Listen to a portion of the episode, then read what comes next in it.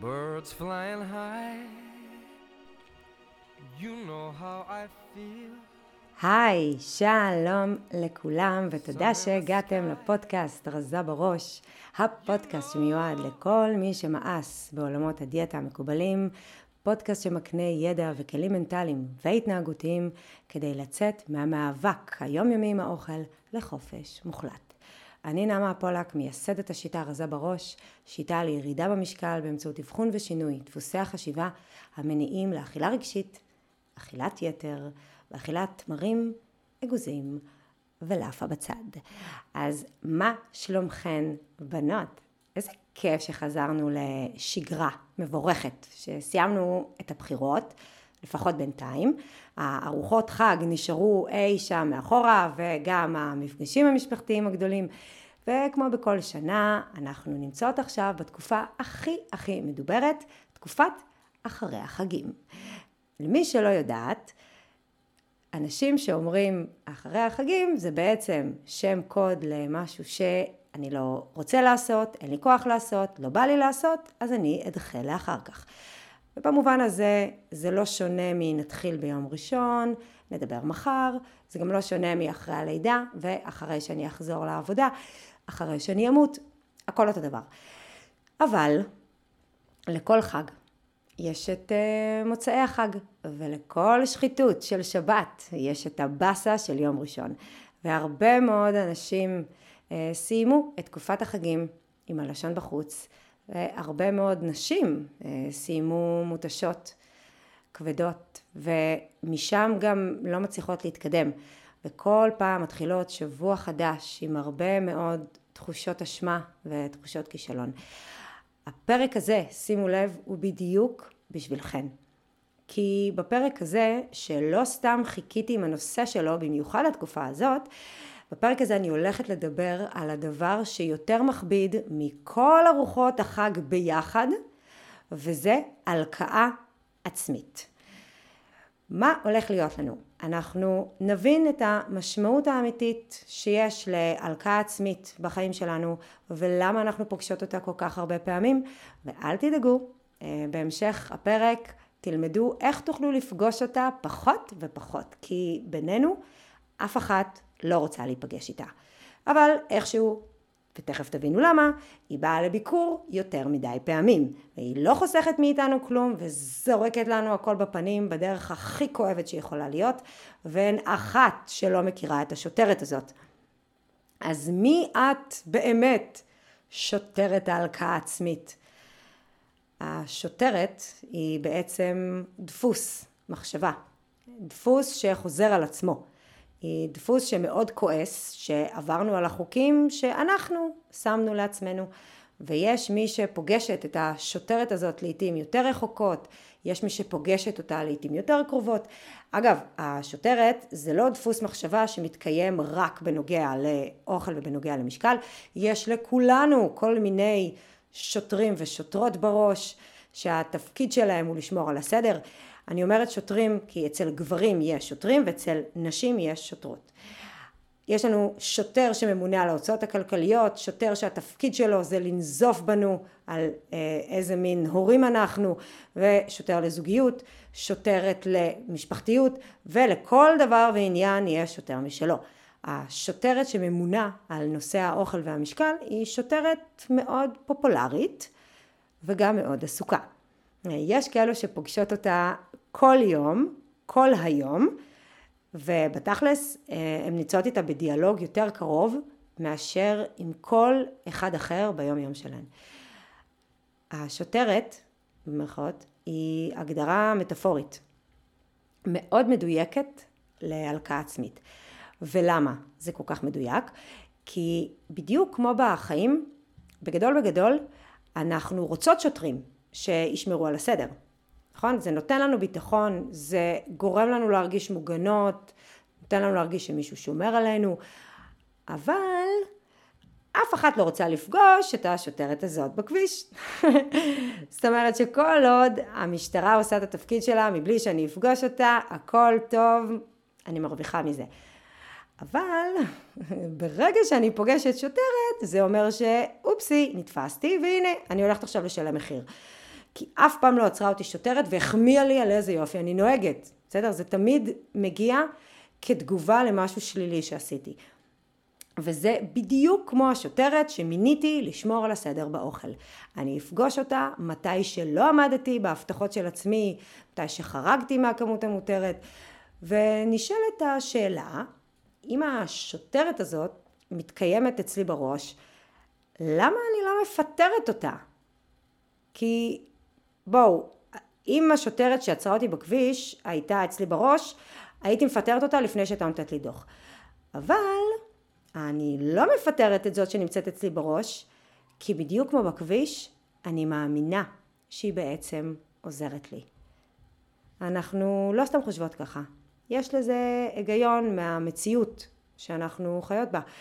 כמה שזה אולי לא נעים לנו לפעמים שעוצר אותנו שוטר בכביש, לא היינו רוצות באמת את המצב ההפוך, נכון? לא היינו רוצות שהמשטרה לא תאכוף בכלל אה, עבירות תנועה בכבישים. אם לא הייתה משטרה, לא היה שום פיקוח, והנהיגה הייתה הופכת מהר מאוד להיות חוויה מאוד מאוד מסוכנת.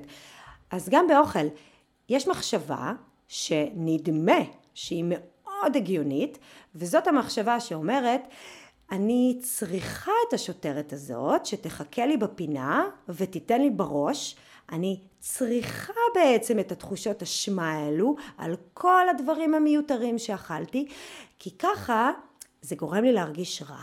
ואם אני ארגיש רע, אז אני לא אעשה את זה בפעם הבאה. האומנם? עכשיו תגידו לי אתם, בכנות, האם באמת ההלקאה העצמית, התחושות אשמה האלו וכל המילים הקשות האלו שאנחנו אומרות לעצמנו, האם זה באמת יעיל במבחן התוצאה? כל התחושות הנוראיות האלו ש, שבאמת סבלתן אחרי שאכלתם יותר מדי ובאמת הרגשתם רע וגרמתם לעצמכם להרגיש עוד יותר רע עם יד על הלב. האם כל זה באמת עזר לכם לא לעשות את זה שוב בפעם הבאה? המחשבה שזה עוזר לנו היא טעות, וטעות שעולה לנו ביוקר. כי אם זה היה עוזר, זה כבר היה עוזר. עובדה שהרבה מאוד נשים פוגשות את השוטרת הזאת כל יום, כמה פעמים ביום, אז יעיל זה לא. יותר מזה, לא רק שזה לא יעיל, זה אפילו עושה נזק. זאת הטעות שבטעות. אז כדי שלא נחזור על הטעות הזאת שוב ושוב, בואו נציץ לרגע אל מאחורי הקלעים של המוח שלנו, כמו שאנחנו עושות בכל פרק, ונבין מה קורה שם באמת באותם רגעים של המפגש עם שוטרת ההלקאה העצמית, ואיך הדבר הזה משפיע על ההתנהגות שלנו בפעם הבאה שנעמוד באותה סיטואציה. כי זה מה שחשוב, נכון? אוקיי, okay, לשם כך התכנסנו, לאיך נתנהג אחרת בפעם הבאה. וכדי להסביר את זה הכי טוב, יש אה, משפט מאוד מאוד יפה ומדויק שאני מאוד אוהבת, והמשפט הזה הוא מה שמואר צומח. זה משפט שבצורה מאוד מאוד פשוטה מתאר את הפעילות הנוירולוגית שלנו. במילים אחרות זה אומר כל מה שתיתנו לו תשומת לב, לא משנה אם זה טוב או רע. מה שיקבל תשומת לב רק ילך ויתחזק, יתעצם, ילך ויגדל. באותה מידה שהשמש לא יודעת אם היא מאירה בקרניים שלה על עשבים שוטים או על שיח של ורדים, גם התת מודע שלנו לא יודע להבחין בין טוב לרע, הוא לא יודע להבחין בין התנהגות חיובית לשלילית. מה הוא כן יודע? הוא יודע מה מפעיל אותנו. כי הוא יודע מה חשוב לנו לפי עוצמת הרגש שמתלווה למחשבה שלנו. זה די פשוט להבין את החוקיות הזאת. אם אה, מסתכלים על התנהגות של ילדים קטנים שהם תת מודע מהלך ואם שמעתם את הפרקים הקודמים בפודקאסט אתם יודעות שתת המודע מדבר שפה שדומה לזאת של ילד קטן. כשילד עושה משהו והוא מקבל עליו תשומת לב הוא יעשה את זה עוד פעם. וזה בכלל לא משנה אם זאת התנהגות טובה או לא טובה. הוא פשוט מרוויח את תשומת הלב של ההורים ולכן זה מחזק ומקבע את ההתנהגות שלו. וכל אחת שאי פעם קרא איזה מדריך לגמילה מחיתולים או הייתה באיזה הדרכת הורים יודעת שלא כדאי לתת תשומת לב להתנהגות שלילית של הילדים כי זה רק מחזק אותה. לעומת זאת, כן, כן, כן לתת תשומת לב להתנהגות חיובית. אם הייתן רוצות שהילד שלכם יאכל פחות חטיפים, וכל פעם שהייתם רואות שהוא אוכל יותר ממה שהקצבתם לו, הייתם עושות מזה סימפוזיון שלם, תהיו בטוחות שלהפסיק הוא לא יפסיק. לא משנה כמה תשכנעו, תסבירו, תכעסו, תצעקו, להפך. הרי ככל שתיתנו יותר תשומת לב להתנהגות מסוימת, היא רק תתחזק. ואם אני חוזרת למקרים שבהם מישהי אכלה יותר מדי ומרגישה ממש רע עם עצמה באותו רגע, אז לפי עוצמת הרגש שלה, תת המודע שלה קלט עכשיו מסר מאוד משמעותי. בגלל שעוצ... שעוצמת הרגש שלה הייתה גבוהה, הוא קלט שזאת התנהגות חשובה. הוא לא יודע להבחין אם ההתנהגות הזאת היא טובה או לא טובה. הוא כן יודע להבחין בעוצמת הרגש ולהבין מה חשוב. ואם הוא קולט שההתנהגות הזאת היא דבר משמעותי, שימי לב, הוא יגרום לך לעשות את זה שוב ושוב ושוב. לא כי הוא רע, כי זה התכנות שלו. מה שמפעיל אצלנו תגובה רגשית חזקה נקלט כבעל משמעות. והדברים החשובים הם אלו שיהיו ראשונים בסדר העדיפויות. אם לאכול בריא מייצר אצלך אה, תגובה רגשית בינונית ומטה, תהיי בטוחה שלתת המודע שלך אין שום אינטרס להשקיע בזה, כי הוא תמיד מתעל את האנרגיה שלו לפי סדר עדיפויות. ואם ניקח את זה לחיים האמיתיים, אני בטוחה שיש כאן כאלו שמאזינות עכשיו, שסוחבות בעצמן את ההתעסקות הזאת עם המשקל מגיל ממש ממש צעיר.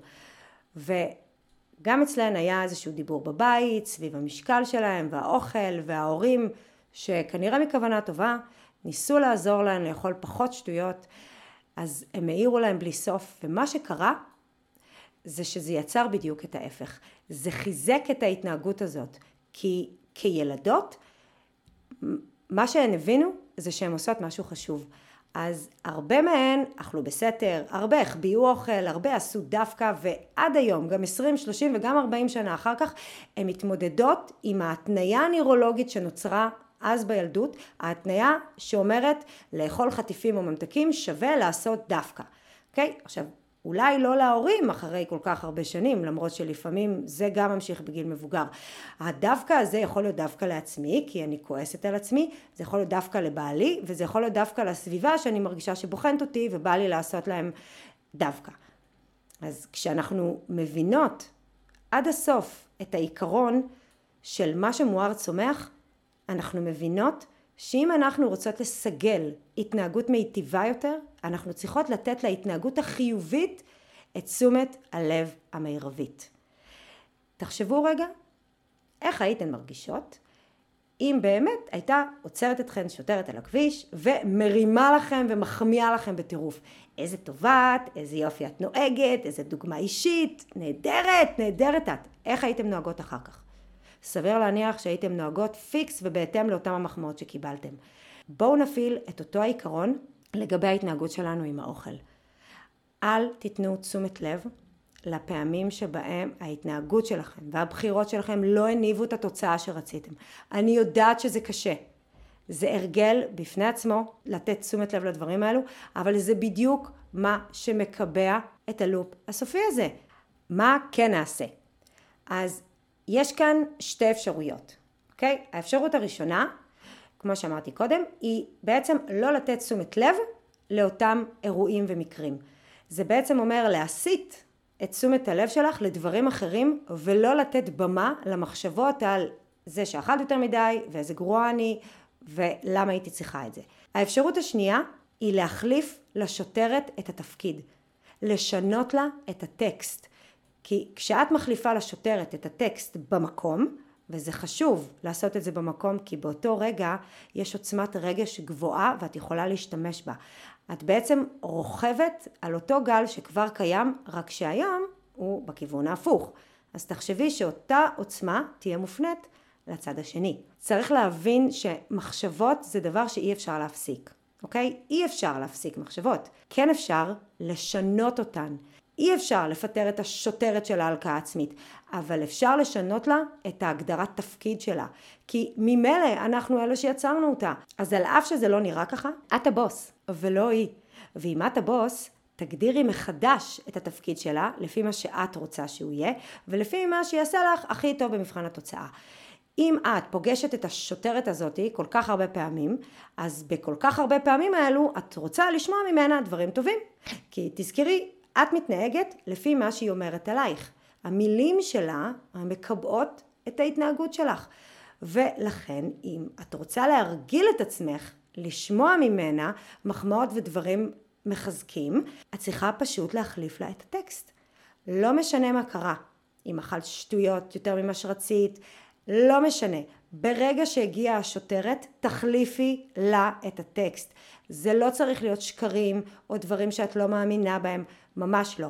זה פשוט צריך להיות דברים שאת רוצה שהיא תגיד. למשל, את מאוד משתדלת, אני רואה שאכפת לך, אני רואה שחשוב לך מה את אוכלת, אני רואה שאת חושבת על עצמך ועל הגוף שלך. בינינו, כל המשפטים האלה נכונים, אוקיי? אם הם לא היו נכונים, לא היה אכפת לך כל כך. זה לא כל כך משנה מה היא תגיד, משנה רק מה את תרגישי ומה תהיה עוצמת הרגש שלך. כדי שזה יעבוד, כמו בכל שינוי של דפוס מחשבה, החזרתיות היא שקובעת.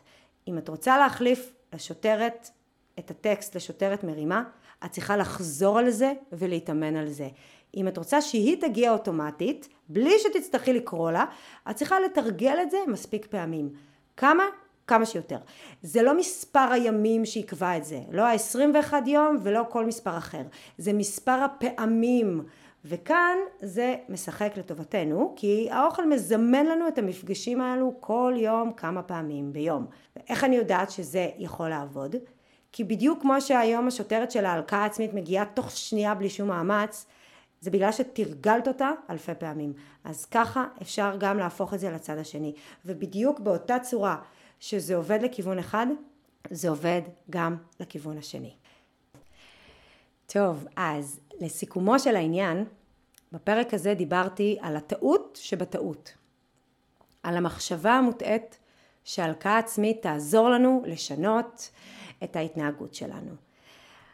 אז כמו שראינו במאחורי הקלעים של המוח שלנו, הבנו שהטעות עצמה היא לא בהתנהגות שלנו. ההתנהגות שלנו היא רק התוצאה.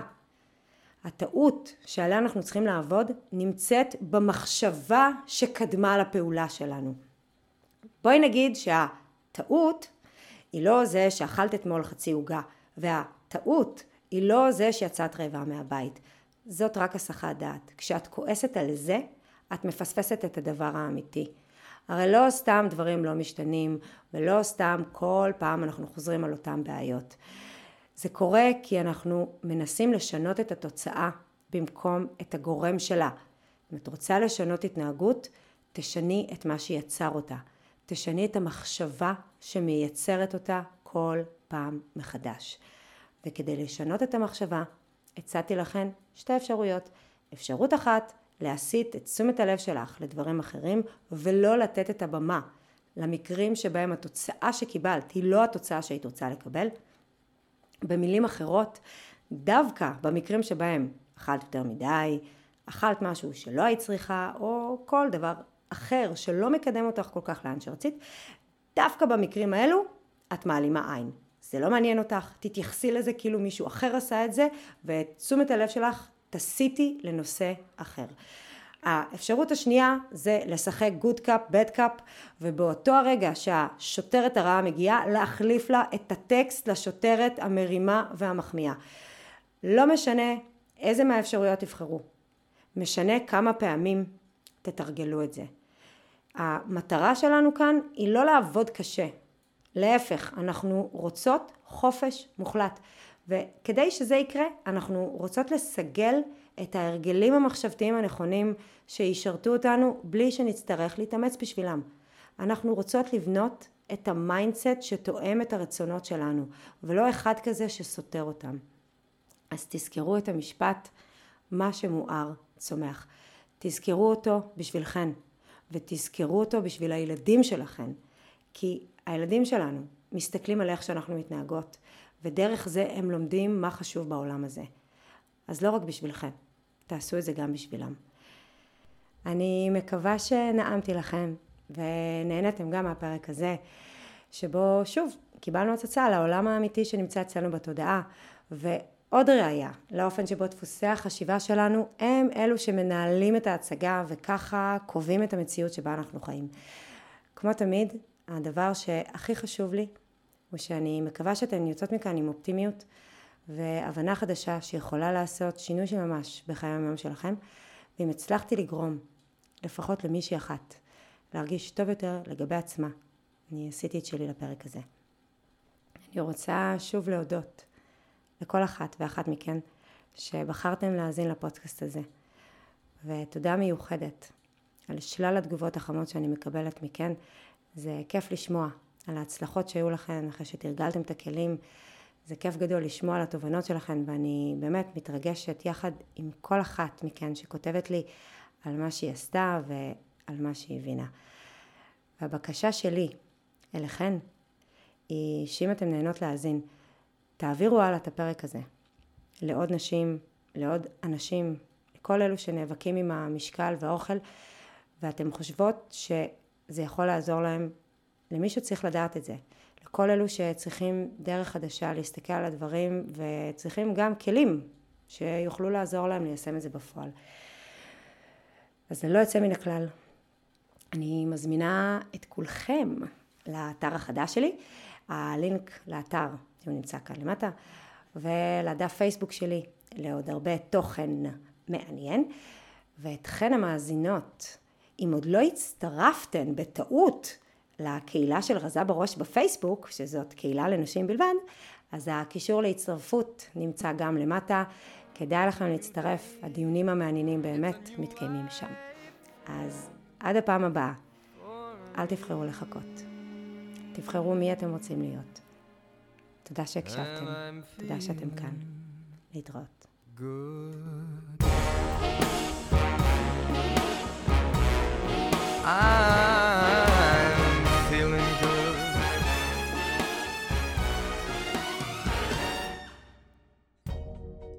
Fish in the sea, you know how I feel.